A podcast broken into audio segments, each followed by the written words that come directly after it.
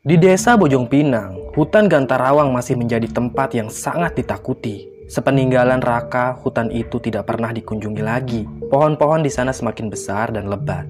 Jalan setapak sudah hilang tertimbun rerumputan liar. Tak ada satupun warga desa Bojong Pinang yang berani masuk ke dalam hutan Gantarawang. Rumor tentang keberadaan pocong di hutan itu masih sangat kental di tengah-tengah masyarakat.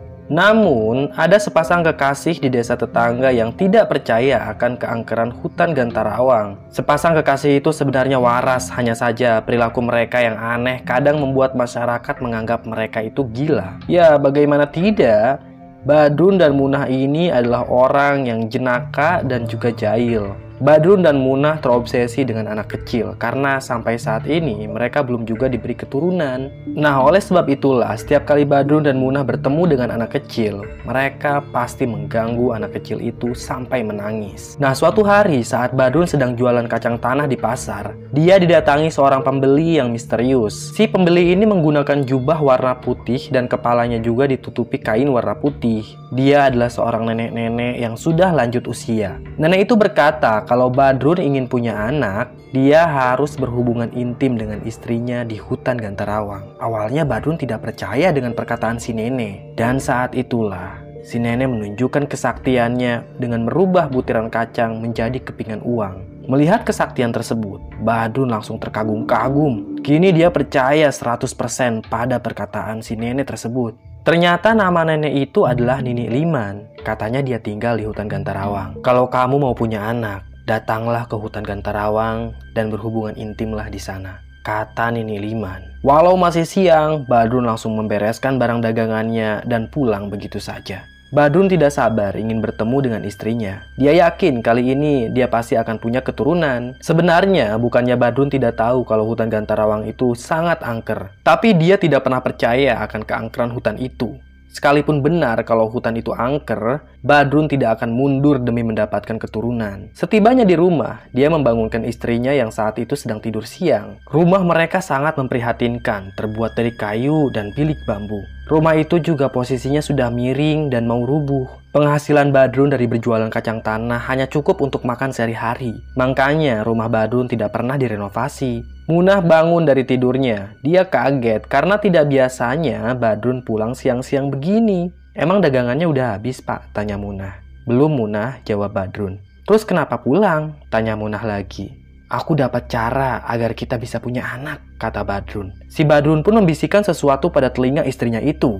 Jelas saja Munah kaget. Awalnya dia menolak ajakan suaminya itu, tapi karena Badrun terus-terusan merayunya, Akhirnya Munah mau menuruti ajakan suaminya untuk berhubungan intim di hutan Gantarawang. Saat malam tiba, mereka berdua langsung berangkat ke hutan Gantarawang. Pasutri itu hanya membawa dua lembar karung, senter, dan golok. Karung itu nantinya akan menjadi alas mereka saat berhubungan intim. Singkat cerita, mereka pun tiba di pinggir hutan Gantarawang. Badrun dan Munah bingung karena tidak ada jalan setapak untuk masuk ke dalam hutan itu. Hutan itu memang jarang sekali terjamah oleh manusia. Badrun menyorotkan senter ke pepohonan besar. Suara burung hantu berkukuk membuat suasana semakin menakutkan. Badrun yang memegang golok, ia berusaha menebas semak-semak yang menghalangi jalan. Perlahan, mereka masuk ke dalam hutan dengan cara menyingkirkan semak-semak belukar itu. Munah jalan di belakang suaminya, sedangkan Badrun jalan paling depan. Mereka berdua semakin masuk ke dalam hutan Gantarawang. Kayaknya cukup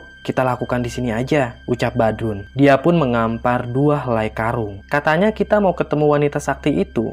Tanya Munah. Nini Liman bilang dia bakal menghampiri kita setelah kita berhubungan intim, timpal Badrun. Munah langsung membuka bajunya. Di tengah hutan Gantarawang inilah Pasutri itu melakukan hubungan intim. Badrun terbilang lelaki yang perkasa. Permainan mereka berlangsung cukup lama, hampir satu jam. Dan saat Badrun sudah mencapai klimak, dia pun menarik kemaluannya. Namun malapetaka mulai menimpa mereka. Kemaluan si Badrun tidak bisa dicabut. Mereka gancet. Bisa jadi memang ada jin yang marah akibat perbuatan mereka. Hutan ini memang dipenuhi oleh jin. Tanpa Badrun dan Munah sadari, saat mereka sedang berhubungan intim, ada genderuwo yang ikut menyetubuhi si Munah. Bisa jadi genderuwo inilah yang membuat Badrun dan Munah gancet. Munah menangis kesakitan, sedangkan Badrun masih berusaha untuk mencabut kemaluannya tapi tidak bisa. Semakin dia berusaha, malah terasa semakin nempel, seperti di lem besi. Semalaman suntuk, Badrun dan Munah terbaring di bawah pohon besar. Mereka masih dalam posisi yang sama, yaitu Badrun di atas sedangkan Munah ditindih. Menjelang pagi, Badrun berteriak minta tolong. Tapi tidak ada satu orang pun yang mendengar teriakan si Badrun kecuali koloni monyet yang bergelantungan di dahan-dahan pohon. Koloni monyet itu berkumpul menonton Badrun dan Munah yang sedang gancet. Pagi pun tiba, mereka masih saja gancet. Kini Badrun merubah posisinya karena istrinya itu merasa sangat engap. Wajar saja semalaman dia ditindih oleh si Badrun. Posisi mereka sekarang saling berhadapan. Badrun berusaha untuk menarik kemaluannya itu, namun tetap tidak bisa. Apakah kita akan mati di sini? Tanya Munah sambil menangis. Perutnya juga mulai keroncongan karena dari kemarin dia belum makan. Kita pasti selamat, Nini Liman pasti akan menolong kita, ujar Badrun. Sayangnya, sampai sore Nini Liman tak kunjung muncul. Kondisi Badrun dan Muna sudah sangat lemas. Mereka berdua pasrah kalau harus mati dalam keadaan gancet di hutan ini. Parahnya lagi, hujan kini turun dengan sangat deras. Tubuh Muna menggigil. Begitupun dengan Badrun, dia sangat kedinginan. Malam kembali tiba, tak ada yang bisa mereka perbuat selain terkapar di bawah pohon besar. Munah sudah pasrah kalau dia harus mati di hutan ini. Berbeda dengan Badrun, dia masih berusaha mencabut kemaluannya itu tapi tetap tidak berhasil. Malam itu, Demit Gantarawang berdatangan menonton penderitaan Badrun dan Munah. Wujud para Demit itu mengerikan. Ada ular besar berkepala manusia, ada yang wujudnya raksasa hingga melampaui pepohonan, ada juga genderuwo yang bergelantungan di dahan-dahan pohon. Mereka semua seolah senang melihat penderitaan Badrun dan Munah. Tak jauh dari tempat mereka terkapar, merayaplah seekor kalajengking yang mendekati mereka. Munah menyadari ada binatang berbisa yang merayap ke arahnya. Wanita itu berteriak sambil menangis. Badun berusaha menarik tubuh istrinya itu agar terhindar dari sengatan kalajengking. Sialnya, kalajengking itu malah terus mengikuti mereka. Badun pun mengangkat tubuh istrinya dan menukar posisi. Lelaki itu jengkel melihat si kalajengking yang semakin mendekat. Dia meniup-niup kalajengking itu. Sesekali kala jengking berhenti, lalu merayap lagi. Ekornya siap menyengat wajah Badrun. Dan saat kala jengking itu hendak menyerang Badrun, tiba-tiba saja ada seseorang yang menginjaknya hingga tubuh kala jengking itu remuk. Badrun menoleh ke atas. Ternyata yang menyelamatkannya itu adalah Nini Liman. Tolong kami nih, ucap Badrun. Nini Liman tidak menimpali si Badrun, dia malah menoleh ke sekelilingnya. Si Nini menyadari akan keberadaan demit yang berkumpul sedang menonton penderitaan Badrun dan Munah. Pergi kalian, kata Nini Liman. Para demit itu pun berterbangan. Setelah itu, Nini Liman menyuruh Badrun untuk bangun. Dan secara ajaib, Badrun bisa mencabut kemaluannya. Mereka tidak gancet lagi. Buru-buru Badrun mengenakan kembali pakaiannya. Berbeda dengan si Munah, kondisinya sangat lemah. Dia bahkan tidak bisa bangun. Badrun membantu istrinya untuk mengenakan baju. Ayo, ikut aku, kata Nini Liman. Badrun pun memapah istrinya dan mengikuti Nini Liman dari belakang. Entah ke mana Nini Liman akan membawa mereka. Selang beberapa saat, mereka akhirnya tiba di sebuah gubuk reot. Kondisi gubuk itu sangat memprihatinkan. Dindingnya bolong-bolong digerogoti rayap. Atapnya juga sudah berjatuhan. Rumput liar menjalar di gubuk itu. Badrun heran, kenapa Nini Liman membawanya ke sini? Apakah ini rumahnya? Badun terus bertanya-tanya dalam benaknya. Nini Liman mempersilahkan mereka untuk masuk. Kondisi di dalam gubuk itu juga sangat tidak layak, banyak rumput liar di dalam ruangan itu. Mulai sekarang, gubuk ini menjadi tempat tinggal kalian, kata Nini Liman. Apa-apaan ini? Kami tidak mau tinggal di sini nih, bentak Munah. Kau harus balas budi pada hutan Gantarawang karena dalam beberapa hari ke depan kau akan hamil. Kalau kau tidak mau tinggal di hutan ini, jabang bayi itu akan hilang dari perutmu, ucap Nini Liman dengan wajah mengancam. Badun dan Munah saling tatap. Mereka berdua bingung dari mana Nini Liman tahu kalau Munah ini akan hamil. Tidak apa-apa nih, kami akan tinggal di sini, kata Badrun. Munah menampakkan wajah marah. Dia tidak setuju dengan keputusan suaminya itu. Tenang saja Muna, aku bisa membetulkan gubuk ini, kata Badrun. Kalian berdua tidak boleh keluar dari hutan Gantarawang sebelum anak kalian lahir, kata Nini Liman. Jadi kami harus tinggal berbulan-bulan di hutan ini? Tanya Munah. Nini Liman mengangguk.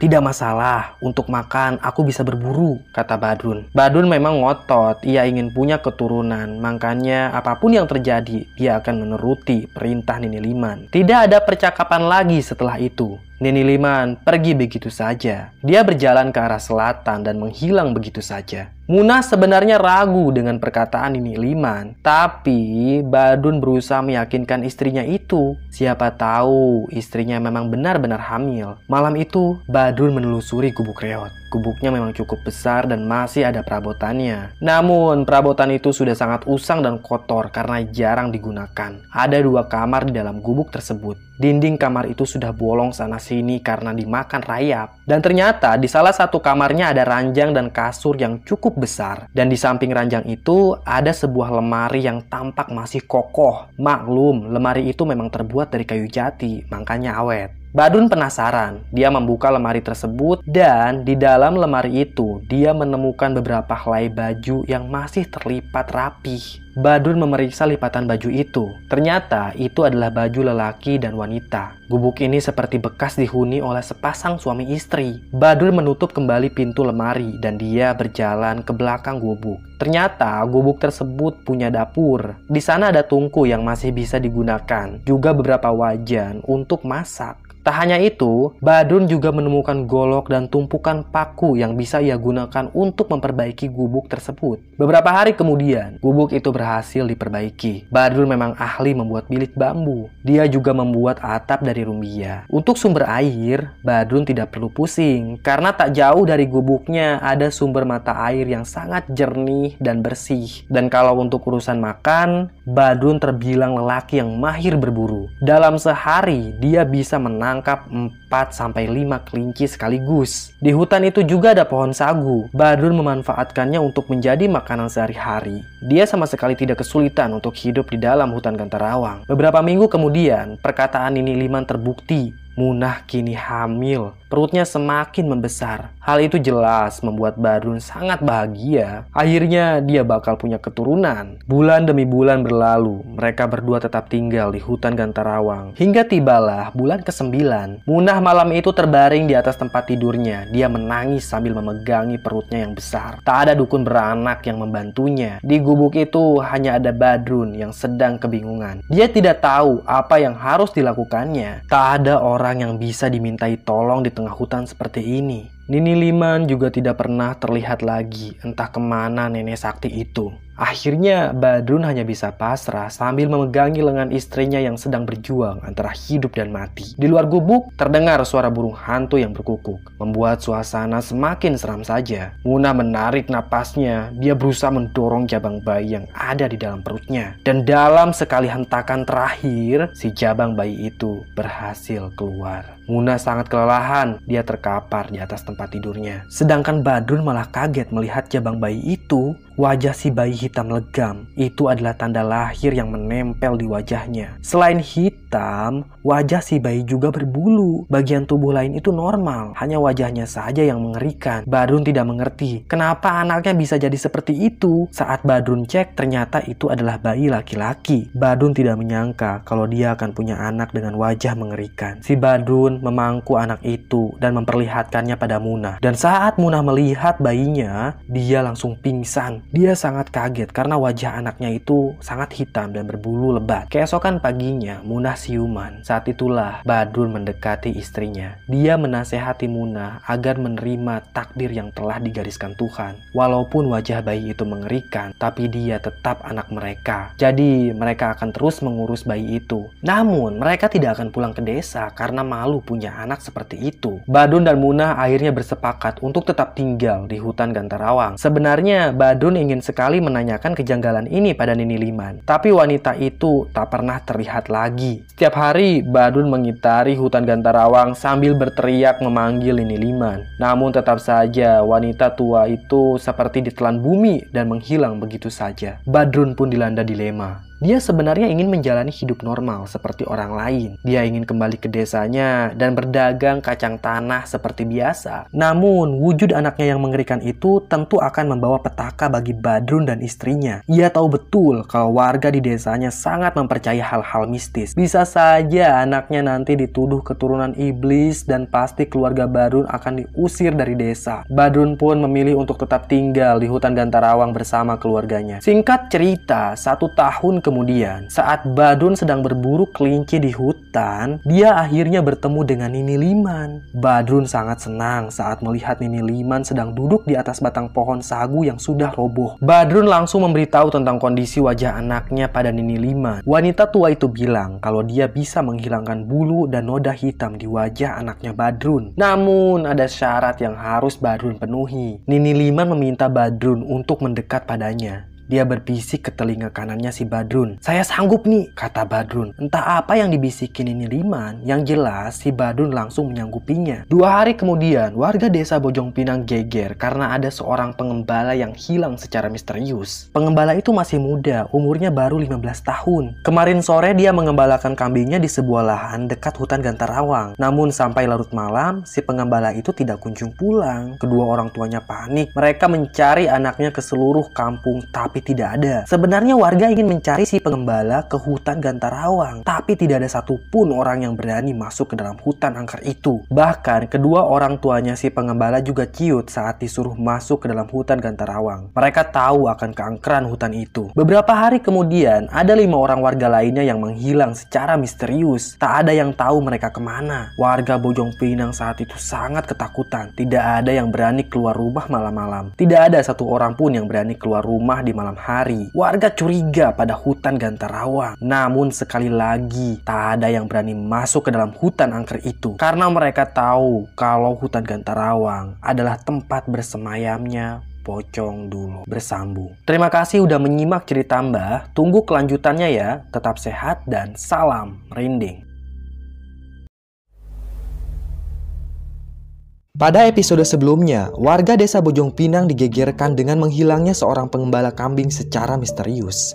Mereka mencari pengembala kambing itu ke seluruh kampung, namun tidak ada. Si pengembala kambing tidak pernah ditemukan. Ternyata bukan hanya pengembala kambing saja yang menghilang, Beberapa hari kemudian, ada warga lainnya yang juga ikut menghilang secara misterius. Dan hutan Gantarawang adalah satu-satunya lokasi yang dicurigai menjadi penyebab hilangnya para warga.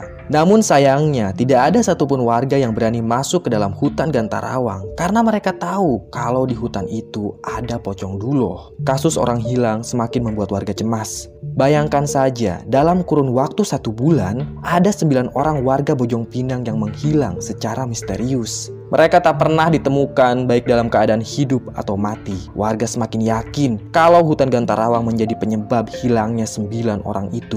Pada akhirnya, semua warga Bojong Pinang sepakat untuk membangun pagar yang tinggi di perbatasan hutan. Pagar itu terbuat dari batang bambu. Dengan adanya pagar tersebut, warga berharap tidak akan ada lagi yang mendekati hutan Gantarawang. Sementara itu, di dalam hutan Gantarawang yang lebat dan gelap, Badrun dan keluarganya masih hidup di sana. Tapi ada yang berbeda dengan pemandangan gubuknya Badrun. Di depan gubuk itu ada sabut kelapa yang bergelantungan, juga sebuah meja kayu yang di atasnya terdapat kembang tujuh rupa dan sebatok darah kental. Mungkin itu adalah sajenan yang dibuat oleh si Badrun. Sedangkan di belakang gubuknya ada sembilan mayat manusia yang digantung terbalik di dahan-dahan pohon besar. Ternyata memang si Badrun lah yang selama ini menculik warga desa Bojong Pinang. Badrun membunuh mereka dan mengambil darahnya. Setelah mayat itu kempis, menipis, barulah Badrun menggantungnya pada dahan-dahan pohon. Ia dan Munah sudah dipengaruhi oleh Nini Liman. Apa pun akan mereka lakukan demi menghilangkan tanda lahir di wajah anak mereka. Perlu diketahui, cara Badrun membunuh warga desa Bojong Pinang itu sangat cerdik. Ia selalu bersembunyi di balik semak-semak dan saat ada orang yang melintas di dekat hutan, maka dia akan menghantam kepala orang tersebut dengan batu sampai terkapar tewas. Setelah itu, Badun akan menyeret jasad tersebut masuk ke dalam hutan Gantarawang. Sampai saat ini, belum ada orang yang tahu kalau Badunlah yang membunuh warga desa Bojong Pinang. Karena si Badrun dan keluarganya selalu bersembunyi di dalam hutan Gantarawang. Perintah Nini Liman memang sangat ekstrim. Badrun disuruh mengumpulkan 10 botol darah manusia dari orang yang berbeda. Itu artinya Badrun harus membunuh 10 orang agar bisa memenuhi syarat dari Nini Liman. Namun sayang, Badrun kesulitan untuk mencari korban yang ke-10 karena sekarang perbatasan hutan Gantarawang itu dipagar oleh warga. Mau tidak mau, Badrun harus keluar dari hutan Gantarawang untuk mencari tumbal ke-10. Si Badrun ini pernah pergi ke perkampungan di malam hari, tapi tetap saja dia kesulitan mencari korbannya karena tidak ada satupun warga desa Bojong Pinang yang berani keluar tengah malam. Mereka semua ketakutan dan mengurung diri di dalam rumah. Tak ada yang bisa Badrun perbuat, dia juga tidak bisa keluar di siang hari karena takut dicurigai oleh warga. Kalau sampai warga tahu tentang kelakuan si Badrun, dia pasti akan ditangkap dan dibunuh oleh warga. Kini Badrun kebingungan. Dia tidak tahu apa yang harus dilakukannya. Di sisi lain, Badrun tidak mau membiarkan anaknya hidup dengan wajah mengerikan seperti itu. Suatu malam saat Badrun sedang bengong di depan gubuknya, tiba-tiba saja muncul Nini Liman. Wanita itu perlahan mendekat pada Badrun. Sudah lama sekali Badrun tidak bertemu dengan Nini Liman.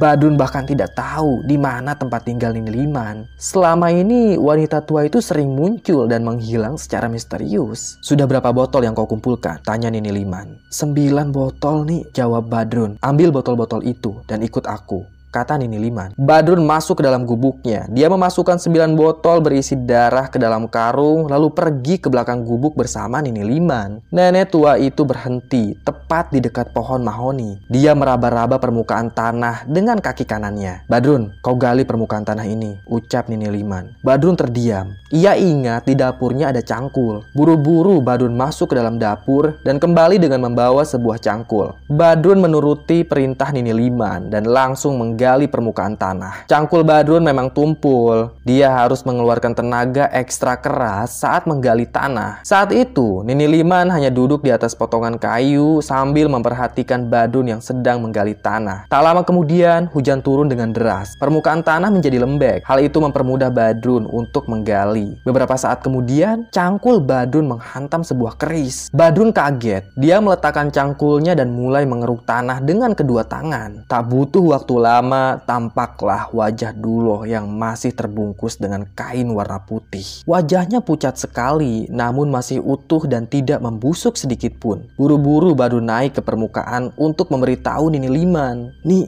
aku menemukan jasad manusia, kata Badrun. Nini Liman bangkit dari duduknya. Dia mendekat pada lubang tersebut. Itu Dulo, dia sangat berharga. Dulo bukan hanya bisa menghilangkan tanda lahir di wajah anakmu, tapi dia juga bisa membuatmu kaya, ucap Nini Liman. Sekarang, apa yang harus saya lakukan nih? Tanya Badrun. Nini Liman tidak menjawab. Dia malah mengambil karung berisi sembilan botol darah. Lalu Nini Liman membuka satu persatu botol tersebut dan mengguyur wajah Duloh dengan darah. Seketika saja, wajah Duloh berubah menjadi merah. Namun, ia tidak bergerak sama sekali. Angkat dan bawa Duloh ke gubukmu. Suruh Nini Liman. Badrun turun kembali ke dalam lubang. Dia mengeruk tanah dengan kedua tangannya lalu menarik tubuh Duloh. Badrun melihat ada sebuah keris yang tertancap di perutnya Duloh. Ia bertanya-tanya dalam hatinya, siapa Duloh ini? Lalu, kenapa ada keris yang tertancap di perutnya Duloh? Semua pertanyaan itu Badun simpan di dalam benaknya. Ia tidak berani bertanya pada Nini Liman. Tubuh Duloh pun berhasil ditarik ke permukaan. Kain putih yang membungkus Duloh kini warnanya berubah menjadi kekuningan karena terkena noda tanah. Sekuat tenaga, Badrun membopong tubuh Duloh masuk ke dalam gubuk. Istrinya Badrun terbangun. Dia kaget saat melihat ada jasad manusia manusia tergeletak di dalam gubuknya. Tumbal ke-10, tanya Munah pada suaminya. Bukan, dia dulu. Nini Liman yang menyuruhku untuk membawanya ke dalam gubuk kita, kata Badrun. Siapa dulu? Tanya Munah. Aku tidak tahu, tapi kata Nini Liman, Duloh ini bisa menghilangkan tanda lahir di wajah anak kita. Dan bukan hanya itu saja, Duloh juga bisa membuat kita kaya raya, ucap Badrun. Sekujur tubuhnya basah kuyup, napasnya ngos-ngosan. Selang beberapa saat, dari pintu gubuk muncullah Nini Liman. Dia mendekat pada Badrun. Nini Liman bilang pada Badrun kalau Duloh ini harus segera diberi tumbal ke-10. Nenek itu juga berpesan pada Badrun untuk tidak mencabut keris yang tertancap di perutnya Duloh. Kenapa tidak boleh dicabut nih? Tanya Badrun.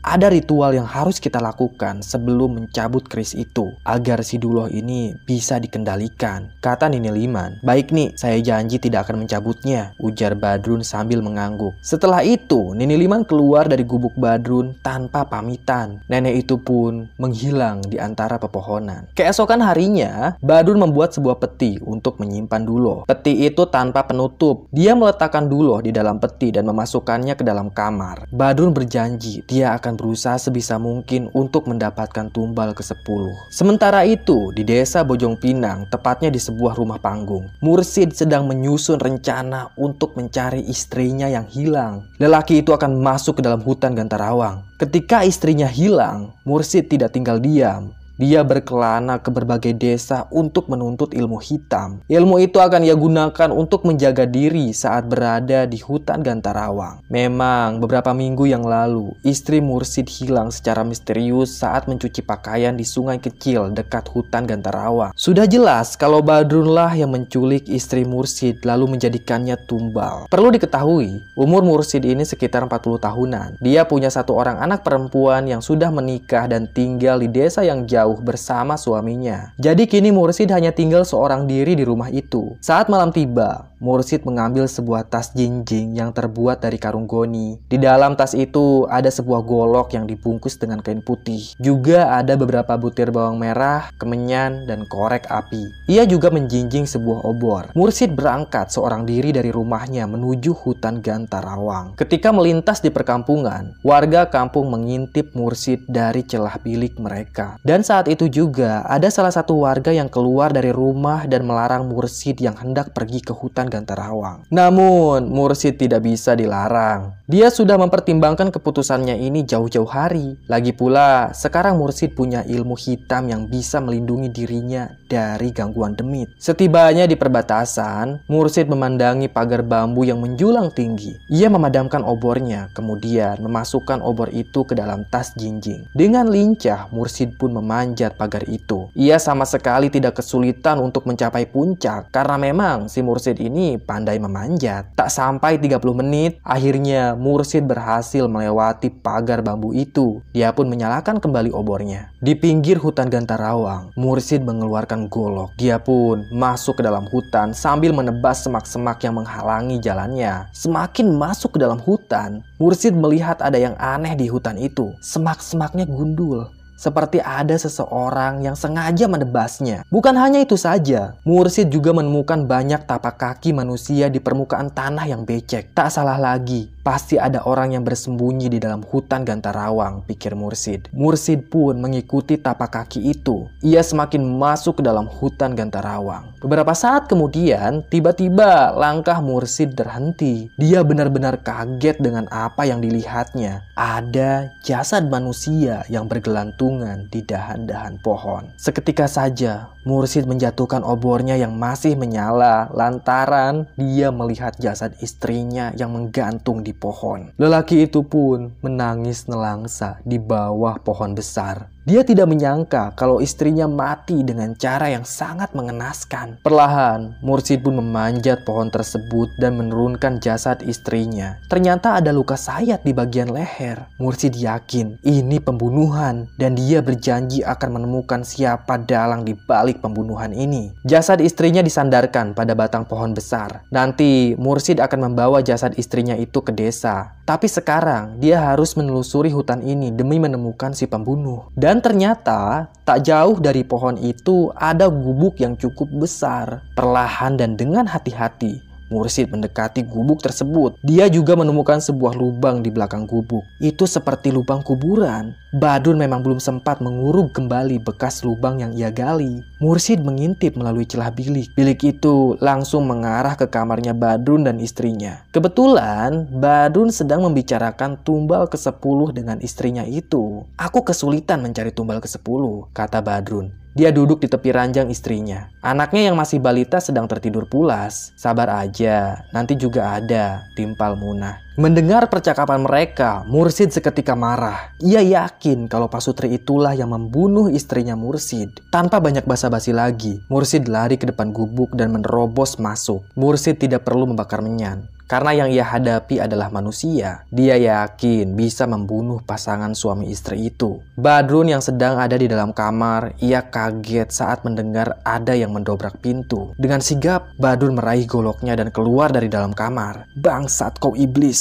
teriak Mursid. Dia menerjang Badrun sambil mengayunkan goloknya. Untung saja Badrun berhasil menghindar. Ada apa ini? Tanya Badrun. Dia mundur beberapa langkah mendekati kamar dulu. Dasar pembunuh, kali ini kau harus mati di tanganku, teriak Mursid. Dia kembali menerjang Badrun sambil mengayunkan goloknya yang mengarah ke kepalanya si Badrun. Dan dengan sigap, Badrun berhasil menahannya dengan golok yang ia pegang. Munah, istrinya Badrun, tak berani keluar dari dalam kamar. Dia ketakutan sambil memeluk bayinya. Sementara itu, di luar kamar, Mursid dan Badrun sedang berkelahi. Si Mursid menendang perut Badrun hingga masuk ke dalam kamarnya dulu. Beberapa kali Badrun berhasil menghindar dari serangan Mursid. Namun akhirnya Mursid berhasil menebaskan golok tepat di pahanya Badrun. Lelaki itu pun ambruk, darah segar mengucur dari pahanya. Mursid pun melompat. Dia menggenggam golok dengan kedua tangannya. Golok itu akan ia tancapkan di punggungnya Badrun. Namun sekali lagi, Badrun berhasil menghindar. Bahkan, ia sempat menebaskan goloknya tepat di punggung Mursid. Punggung Mursid pun terluka. Ia terkapar di samping petinya dulu. Saat itu, Badrun tidak mau menyanyiakan kesempatan. Ia berdiri lalu menebaskan goloknya ke arah kepalanya si Mursid. Dan untungnya, Mursid masih bisa menangkis dengan golok yang ia punya. Golok mereka beradu dengan sangat keras hingga terpental. Kini,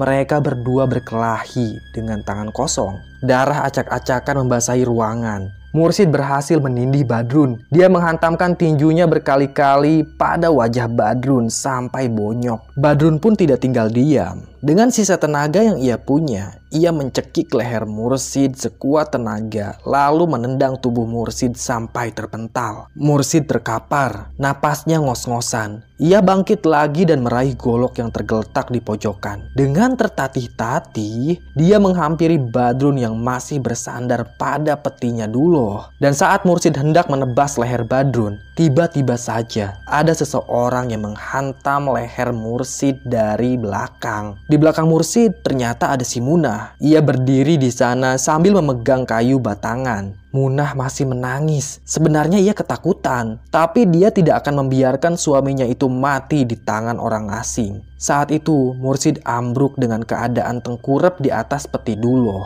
Munah membantu suaminya untuk bangun. Luka bacokan di paha suaminya itu cukup parah sehingga menganga dan terus mengeluarkan darah. Untungnya, Mursid berhasil dikalahkan. Badun akan menjadikannya tumbal ke-10. Dengan sisa tenaga yang ada, Badrun membalikan tubuh Mursid yang sudah tak berdaya untuk dibawa ke halaman belakang. Namun, tanpa diduga-duga, Mursid ternyata masih sadar. Ia mencabut keris dari perutnya dulu, lalu menancapkan keris itu tepat di perutnya Badrun. Itu serangan yang sangat telak. Badrun sampai tidak bisa bersuara. Kedua matanya melotot. Tubuhnya seketika lunglai dan ambruk. Badrun pun tewas. Kini tinggal Munah yang berdiri di depan Mursid. Munah tak percaya dengan apa yang dilihatnya barusan. Dia masih mematung sambil melihat suaminya yang terkapar tewas. Mursid yang saat itu masih memegang keris, dia langsung menusuk dada kiri Munah sampai wanita itu tewas. Mursid pun puas. Kini dia sudah berhasil balas dendam atas kematian istrinya. Dengan terpincang-pincang, Mursid berjalan menghampiri kamar sebelah. Namun, baru saja tiga langkah, dia mendengar suara aneh di belakangnya.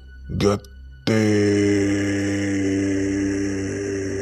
Begitu suaranya. Mursid berhenti. Dia menoleh ke belakang. Tampaklah Duloh yang sedang duduk di petinya. Ia menengok ke arah Mursid. Wajah Duloh pucat, kedua matanya hitam, mulutnya berlendir. Mursid ketakutan. Dia meraih tas jinjingnya dan melemparkan bawang merah ke wajah Duloh. Tapi tidak mempan. Bawang yang sudah dijampai itu tak membuat Duloh kesakitan sama sekali. Duloh malah meraung seperti singa kelaparan. Dan dengan sekejap, Duloh sudah berdiri di hadapan Mursid. Keris yang dipegang Mursid mental. Selanjutnya, entah apa yang dilakukan Duloh pada Mursid. Yang jelas, lelaki itu berteriak sangat keras seperti sedang disiksa. Selang beberapa saat, potongan tubuh Mursid acak-acakan. Kepalanya tergeletak di pojok kamar. Ada tiga mayat yang terkapar di ruangan itu. Duloh meraung-raung. Dia haus akan darah. Sementara itu, di kamar sebelah, si Sakti menangis. Dia terbangun oleh teriakan Mursid yang sangat kencang. Hidung Duloh mengendus-kendus. Dia menoleh ke kamar sebelah. Kini, di dalam gubuk itu,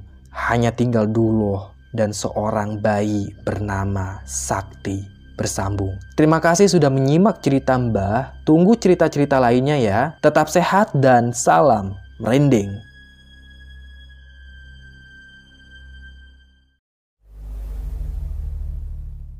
Pada episode sebelumnya, terjadi perkelahian yang sangat sengit antara Badrun dan Mursid. Awalnya Mursid berhasil membunuh Badrun beserta istrinya menggunakan keris yang Mursid cabut dari perutnya Duloh. Namun, ternyata dengan tercabutnya keris itu membuat Duloh bangkit dan tidak terkendali.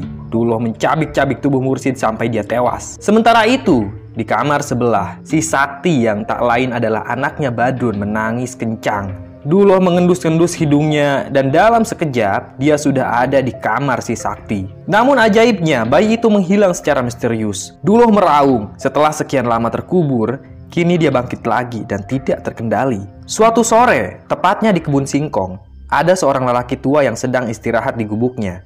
Ia sangat lelah karena seharian bekerja menanam singkong di kebunnya itu. Hari sudah mulai gelap, dia pun bergegas pulang. Lelaki itu memikul cangkul dan menjinjing tas kecil yang terbuat dari karung. Untuk sampai ke rumahnya, si lelaki tua harus melintasi perbatasan hutan Gantarawang. Saat itu, di perbatasan hutan Gantarawang masih ada pagar bambu yang menjulang tinggi. Nah, dan saat si lelaki tua melintas dekat pagar, tiba-tiba saja dia melihat ada seutas tali yang menjuntai di jalan. Tali itu berwarna putih dan menjulur panjang di jalan setapak hingga masuk ke sela-sela pagar bambu. Si lelaki tua memberhentikan langkahnya. Dia heran, kenapa ada tali putih di jalan setapak. Dia pun mengikuti tali tersebut hingga tiba di pagar perbatasan hutan Gantarawang. Tali putih itu menjulur dari lubang pagar. Karena penasaran, si lelaki tua menarik tali tersebut. Dia juga berusaha untuk mengintip dari celah lubang. Dan betapa terkejutnya dia saat melihat ada pocong duluh berdiri tepat di depan lubang pagar. Si lelaki tua hendak lari, namun tali putih itu secara ajaib melilit lehernya. Dia tak sempat berteriak karena lilitan itu sangat kuat. Dan tak butuh waktu lama, si lelaki tua pun kehabisan napasnya dan tewas di tempat. Jasadnya bersandar pada pagar bambu. Keesokan harinya, ada ibu-ibu warga Bojong Pinang yang berteriak histeris karena dia tak sengaja menemukan potongan tubuh manusia di dekat pagar perbatasan hutan. Pagi itu, warga desa Bojong Pinang berkerumun di dekat pagar. Mereka mengira kalau si lelaki tua itu mati dimakan harimau. Ini pasti ulah harimau, kata Pak Komar. Dia adalah salah satu warga desa Bojong Pinang. Warga dengan hati-hati mengumpulkan potongan tubuh yang berserakan. Istri si lelaki tua menangis nelangsa. Dia tak menyangka kalau suaminya itu mati dengan cara yang mengenaskan. Setelah potongan tubuh si lelaki tua terkumpul, warga pun menguburkannya. Tak ada yang berani mengusut penyebab kematian si lelaki tua. Mereka hanya menduga-duga kalau harimau lah yang menjadi penyebab kematiannya. Dua hari setelah kematian si lelaki tua, tragedi mengerikan kembali terjadi. Kali ini kejadiannya di Sungai Cilutung yang lokasinya lumayan jauh dari hutan Gantarawang. Sungai Cilutung memang menjadi jantung kehidupan warga desa. Setiap pagi dan sore, Sungai Cilutung tak pernah sepi pengunjung. Warga desa melakukan aktivitas mencuci dan mandi di Sungai Cilutung. Namun, sore itu pengunjung sudah mulai sepi, hanya tinggal dua orang wanita saja yang tengah sibuk membilas pakaian. Dian, apa kau percaya kalau di desa kita ini ada pocong? Tanya Santi pada temannya. Santi sibuk membanting pakaian pada sebuah batu. Hus, jangan ngomong pocong, aku takut, kata Dian. Dia memasukkan pakaiannya ke dalam bakul. Aku pulang duluan ya, sambung Dian. Cuciannya memang sudah beres, dia datang lebih dulu ke sungai. Iya Dian, duluan saja, timpal Santi. Wanita itu memang sudah biasa sendirian di sungai. Beberapa saat kemudian, tak jauh dari tempat Santi mencuci pakaian, dia melihat ada sesuatu yang keluar dari dalam air. Santi pun penasaran. Dia mendekat pada gelembung air tersebut. Dan saat Santi meraba ke dalam air, tangannya memegang sebuah kepala yang terbungkus kain. Perlahan muncullah duluh dari dalam air.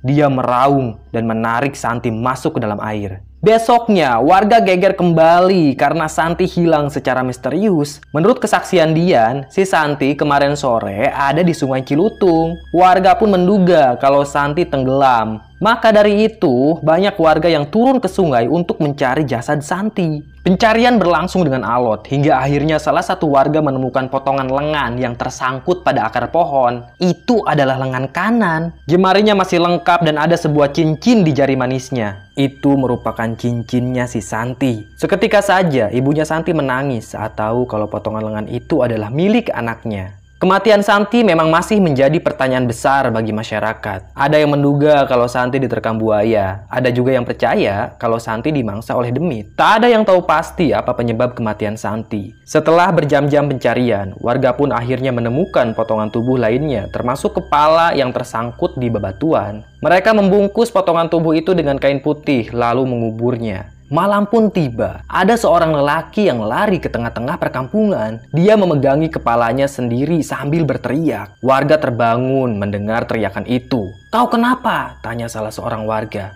Tolong aku, tolong. Si lelaki mendekat. Dia menunjukkan kepalanya. Kau ini kenapa? Ada apa? Tanya warga lainnya. Aku diludahi pocong, jawab si lelaki. Kepalanya melepuh dan bau busuk. Si lelaki itu dipapah oleh warga menuju rumahnya. Namun, sebelum ia sampai rumah, tiba-tiba dari kejauhan terdengar suara raungan. Itu adalah raungannya dulu. Ia melayang di tengah-tengah perkampungan dan meludahi siapa pun yang dilintasinya. Ada dua orang lainnya yang terkena ludah dulu. Mereka menjerit kepanasan sambil memegangi kepala. Tak butuh waktu lama, mereka pun ambruk dan terkapar di tengah-tengah kampung. Kali ini tak ada seorang pun yang berani menghampiri mereka. Keesokan paginya, ada tiga orang yang tewas dengan kepala membusuk akibat terkena ludah dulu. Pocong dulu semakin meresahkan warga. Pak Komar yang saat itu sebagai orang yang dituakan, dia bingung apa yang harus dilakukannya. Sementara itu, teror pocong dulu semakin parah. Kini bukan hanya manusia saja yang jadi sasaran, tapi perkebunan, sawah, dan peternakan juga dibantai oleh pocong dulu. Kondisi desa semakin mencekam. Pak Komar melarang warga untuk keluar di malam hari. Warga mulai sengsara akibat teror dulu. Untungnya, Pak Komar tidak tinggal diam. Mau tidak mau, dia harus meminta bantuan Raka. Karena hanya Raka lah yang bisa menghentikan teror pocong dulu. Kebetulan Pak Komar tahu tempat tinggal Ki Surya yang tak lain adalah mertuanya Raka. Pak Komar berharap si Raka tinggal bersama mertuanya. Di suatu pagi, Pak Komar pamit ke istrinya. Dia diantar Delman menuju sebuah desa tempat Ki Surya tinggal. Perjalanan itu cukup lama. Pak Komar sampai ketiduran. Hari pun mulai gelap. Pak Komar akhirnya tiba di desa tersebut. Walaupun malam, desanya tetap ramai. Banyak anak kecil yang bermain di halaman rumah. Juga ada bapak-bapak yang nongkrong di beranda rumah mereka. Pak Komar pun menanyakan rumah Ki Surya pada salah satu warga. Tak lama kemudian, dia diantar oleh warga menuju rumah Ki Surya. Setibanya di sana, Pak Komar langsung mengetuk pintu. Gagang pintu pun berputar, tanda ada yang membukakan pintu. Tampaklah Ki Surya berdiri di mulut pintu. Ki, tolong desa saya, kata Pak Komar. Kamu siapa? Tanya Ki Surya. Saya Komar dari desa Bojong Pinang. Sekarang desa Bojong Pinang sedang dalam bahaya, kata Pak Komar. Bahaya gimana maksud kamu? Tanya Ki Surya. Desa kami diserang pocong. Begitu, kata Pak Komar. Hah, pocong? Ki Surya kaget mendengarnya. Iya Ki, apa ada Raka di sini? Tanya Pak Komar dengan panik. Dia tidak tinggal bersamaku, jawab Ki Surya. Di mana Ki? Kami butuh bantuan Raka. Hanya dia yang bisa menaklukkan pocong itu. Tanya Pak Komar. Raka tinggal di desa Reban, jawab Ki Surya. Baik Ki, terima kasih. Saya akan mendatangi desa Reban. Timpal Pak Komar. Dia pun beranjak pergi. Namun, Ki Surya melarangnya. Sekarang sudah malam. Menginaplah di rumahku. Besok ku antar kau ke desa Reban, ujar Ki Surya. Akhirnya Pak Komar bermalam di rumahnya Ki Surya dan keesokan paginya barulah mereka berangkat ke desa Reban untuk menemui Raka. Singkat cerita, Pak Komar dan Ki Surya tiba di desa Reban. Ternyata Raka tinggal di sebuah rumah panggung yang amat sederhana. Pintu rumahnya terbuka. Tampaklah Mayang yang sedang main bersama anaknya. Mayang senang saat melihat Ki Surya turun dari delman. Dia pun langsung menyalami bapaknya itu dan mempersilakannya untuk masuk. Suamimu ke mana? Tanya Ki Surya. Oh, Mas Raka lagi nyangkul di sawah. Ada apa ya Pak? Tanya Mayang. Desa kami diteror pocong. Yang jawab malah Pak Komar. Mendengar pernyataan Pak Komar, awalnya Mayang kaget. Namun tiba-tiba wajah wanita itu murung. Mas Raka sudah tidak punya ilmu apa-apa lagi. Sekarang dia orang biasa. Jadi percuma kalau minta bantuan ke Mas Raka ujar Mayang. Tak lama kemudian, ada yang mengetuk pintu dapur. Ternyata itu adalah Raka. Dia baru pulang dari sawah. Semenjak melepas Dulo, Raka memang menjadi seorang petani. Ia tak punya kekuatan apa pun untuk menyembuhkan penyakit. Namun, sekarang dia merasa hidupnya menjadi lebih tenang. Pak Komar bangkit dari duduknya dan langsung menghampiri Raka. Raden Raka, tolong desa kami Raden. Pocong itu membunuh warga. Kami sangat takut. Ujar Pak Komar, wajahnya panik sekali. Duh bagaimana dia bisa bangkit? Tanya Raka, dia mengerutkan keningnya. Aku tidak tahu Raden. Yang jelas sekarang pocong itu meneror desa Bojong Pinang, jawab Pak Komar. Raka terdiam. Pocong itu juga sudah membunuh beberapa orang warga. Lanjut Pak Komar. Raka menggelengkan kepala. Tak mungkin dia bisa melawan pocong dulu karena sekarang dia tak punya kekuatan apa pun. Aku tak bisa berbuat apa-apa. Sekarang aku hanya petani biasa. Raka duduk di ruang tamu. Dahlia, anak perempuannya Raka yang berumur lima tahun menghampiri ayahnya. Dia duduk di lahunan Raka. Raden, tolonglah desa kami. Kalau pocong itu dibiarkan, maka korban jiwa akan semakin bertambah. Sergah Pak Komar. Percuma, aku sudah tidak punya kekuatan apa pun. Pocong dulu itu sangat kuat, dia haus darah. Lebih baik desa Bojong Pinang ditinggalkan saja, suruh warga mengungsi ke desa lain. Raka memberi saran. Raden, kami tidak akan meninggalkan Bojong Pinang karena rumah kami di sana. Tidak masalah kalau Raden enggan menolong kami. Tapi Raden harus ingat, Raden Raka adalah warga Bojong Pinang. Kami selalu baik pada Raden. Bahkan kami sudah menganggap Raden Raka sebagai tetua di Bojong Pinang. Semoga Raden tidak lupa dari mana Raden berasal, kata Pak Komar. Raka pun menatap Pak Komar dengan tatapan tajam. Aku bukan berasal dari Bojong Pinang. Kau tak tahu apa-apa tentangku. Sekarang lebih baik kau pergi. Kata Raka dengan nada datar. Kini dia mulai risih mendengar ucapan Pak Komar. Tanpa pamitan lagi, Pak Komar pun beranjak pergi. Ki Surya dan Mayang tidak bisa berbuat apa-apa. Mereka tidak mungkin memaksa Raka untuk melawan Pocong dulu karena memang Raka sudah tidak punya ilmu apa pun. Selang beberapa saat, Ki Surya juga pulang. Sebenarnya Ki Surya prihatin dengan kondisi desa Bojong Pinang. Tapi mau bagaimana lagi, Raka tidak akan mampu melawan Pocong dulu. Singkat cerita, malam pun tiba. Saat itu Raka sedang tidur bersama anak istrinya di kamar. Tiba-tiba saja jendela kamarnya Raka terbuka sendiri, lalu terdengar suara seseorang merintih. Getih. Begitu suaranya. Jelas itu adalah suara dulu. Dia mendatangi Raka yang dulu pernah menjadi majikannya. Mayang pun terbangun. Kedua matanya melotot. Mayang berteriak sekencang mungkin membuat anaknya kaget sampai menangis ketakutan. Raka langsung panik. Dia heran kenapa istrinya berteriak seperti itu. Ada apa? Tanya Raka dengan wajah panik. Tapi Mayang tidak menjawab. Dia malah terus berteriak sambil memegangi perut. Kepalanya mendongak ke langit. Getih. Lirih dulu dari balik jendela kamarnya Raka. Bangsat kau! Teriak Raka. Ia baru sadar akan kehadiran dulu. Raka lari ke dapur untuk mengambil golok. Setelah itu, buru-buru Raka keluar dari rumahnya. Ia melihat Duloh berdiri di samping rumah Raka. Apa yang kau mau? Aku sudah tidak punya urusan denganmu. Pergi kau, bentak Raka sambil mengacungkan goloknya. Saat itu, Raka tidak mengenakan baju dan hanya memakai sarung. Ia benar-benar marah karena Pocong Duloh mulai meneror istrinya lagi. Duloh masih berdiri di samping rumahnya Raka. Pocong itu terus-terusan merintih dengan menyebut kata getih. Aku tidak punya getih untukmu. Pergi kau bangsat, teriak Raka sambil lari ke arah Dulo. Dia hendak menebaskan golok itu tepat di kepalanya Dulo. Namun, tiba-tiba saja Dulo menghilang. Raka menoleh ke segala arah mencari keberadaan Dulo. Ternyata pocong itu sudah ada di dalam kamarnya Mayang. Duloh berdiri di hadapan Mayang yang sedang meringis kesakitan. Jelas saja hal itu membuat Raka kaget. Dia segera masuk ke dalam rumah dan menghampiri Duloh. Tanpa ancang-ancang lagi, Raka langsung membacok bahu Duloh. Namun golok itu tak mampu melukai Duloh sama sekali. Tubuh Duloh sangat keras seperti besi.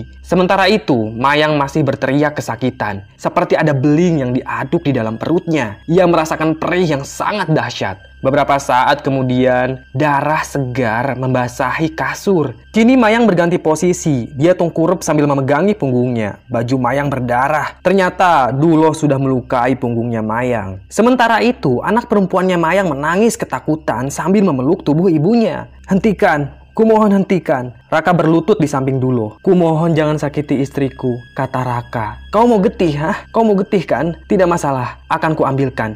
Lanjut Raka. Dia pergi ke halaman belakang rumahnya lalu mengambil seekor ayam kampung dari dalam kandang. Setelah itu, Raka kembali ke kamar. Kau mau getih? Ini, aku punya getih untukmu. Bujuk Raka sambil memotong leher ayam. Duloh menoleh pada Raka, namun tampaknya pocong itu tidak tertarik dengan darah ayam. Dia membuka mulutnya lebar-lebar, lalu menatap Mayang yang sedang meringis kesakitan. Duloh semakin mendekat pada Mayang. Pocong itu akan mencabik-cabik tubuhnya Mayang dan menghisap darahnya. Mulut Duloh berlendir, giginya sangat tajam menyerupai gigi hiu. Mayang semakin menjerit, wajahnya panik, air liurnya Duloh menetes pada wajah Mayang. Raka tidak tinggal diam, dia menerjang Duloh. Namun sayangnya, sebelum Raka berhasil menyentuh Duloh, tubuh Raka mental dan menabrak dinding. Setelah Raka terkapar tak berdaya, Duloh meludahi wajah Raka. Ludah itu berwarna hitam pekat dan bau. Ludah itu berwarna hitam pekat dan bau. Saat itu juga, Raka seperti cacing kepanasan. Dia ngamuk di atas lantai sambil berteriak. Wajahnya panas sekali seperti dibakar. Tangan kanan Mayang meraba-raba. Ia berusaha meraih sapu lidi kecil pemberian dukun beranak. Kata si dukun, sapu lidi itu bisa mengusir demit. Dan benar saja, saat Mayang menggibaskan sapu lidi itu ke tubuhnya Dulo, seketika saja Dulo menghilang entah ke mana. Rasa sakit di perut Mayang juga hilang. Buru-buru ia memangku anaknya dan menghampiri Raka yang masih terkapar di lantai. Wajah Raka sangat merah seperti habis disiram air panas. Jangan disentuh. Raka melarang istrinya saat hendak menyentuh wajahnya Raka. Tolong panggilkan Kiburahol, pinta Raka. Kiburahol adalah seorang tabib di desa Reban. Dia sering menyembuhkan berbagai macam penyakit. Mayang menuruti perintah suaminya itu. Tak lama kemudian, Mayang kembali bersama Kiburahol. Penampilan lelaki tua itu sangat sederhana dan jauh dari kesan mewah. Tidak seperti penampilan Raka yang mewah saat dulu menjadi tabib sukses. Ki Burahol berperawakan kurus. Dia mengenakan sarung yang sudah usang, kaos hitam, dan peci songkok yang warnanya sudah kemerah-merahan. Mas Raka kenapa? Tanya Ki Burahol. Wajahku diludahi pocong Ki, tolong aku Ki. Ucap Raka sambil terus menutupi wajahnya. Tanpa banyak bicara lagi, Ki Burahol meminta Mayang dan anaknya keluar dari kamar. Lelaki tua itu akan melakukan sebuah ritual sakral untuk menyembuhkan Raka. Bersambung. Terima kasih udah menyimak cerita Mbah. Tunggu kelanjutannya ya. Tetap sehat dan salam merinding.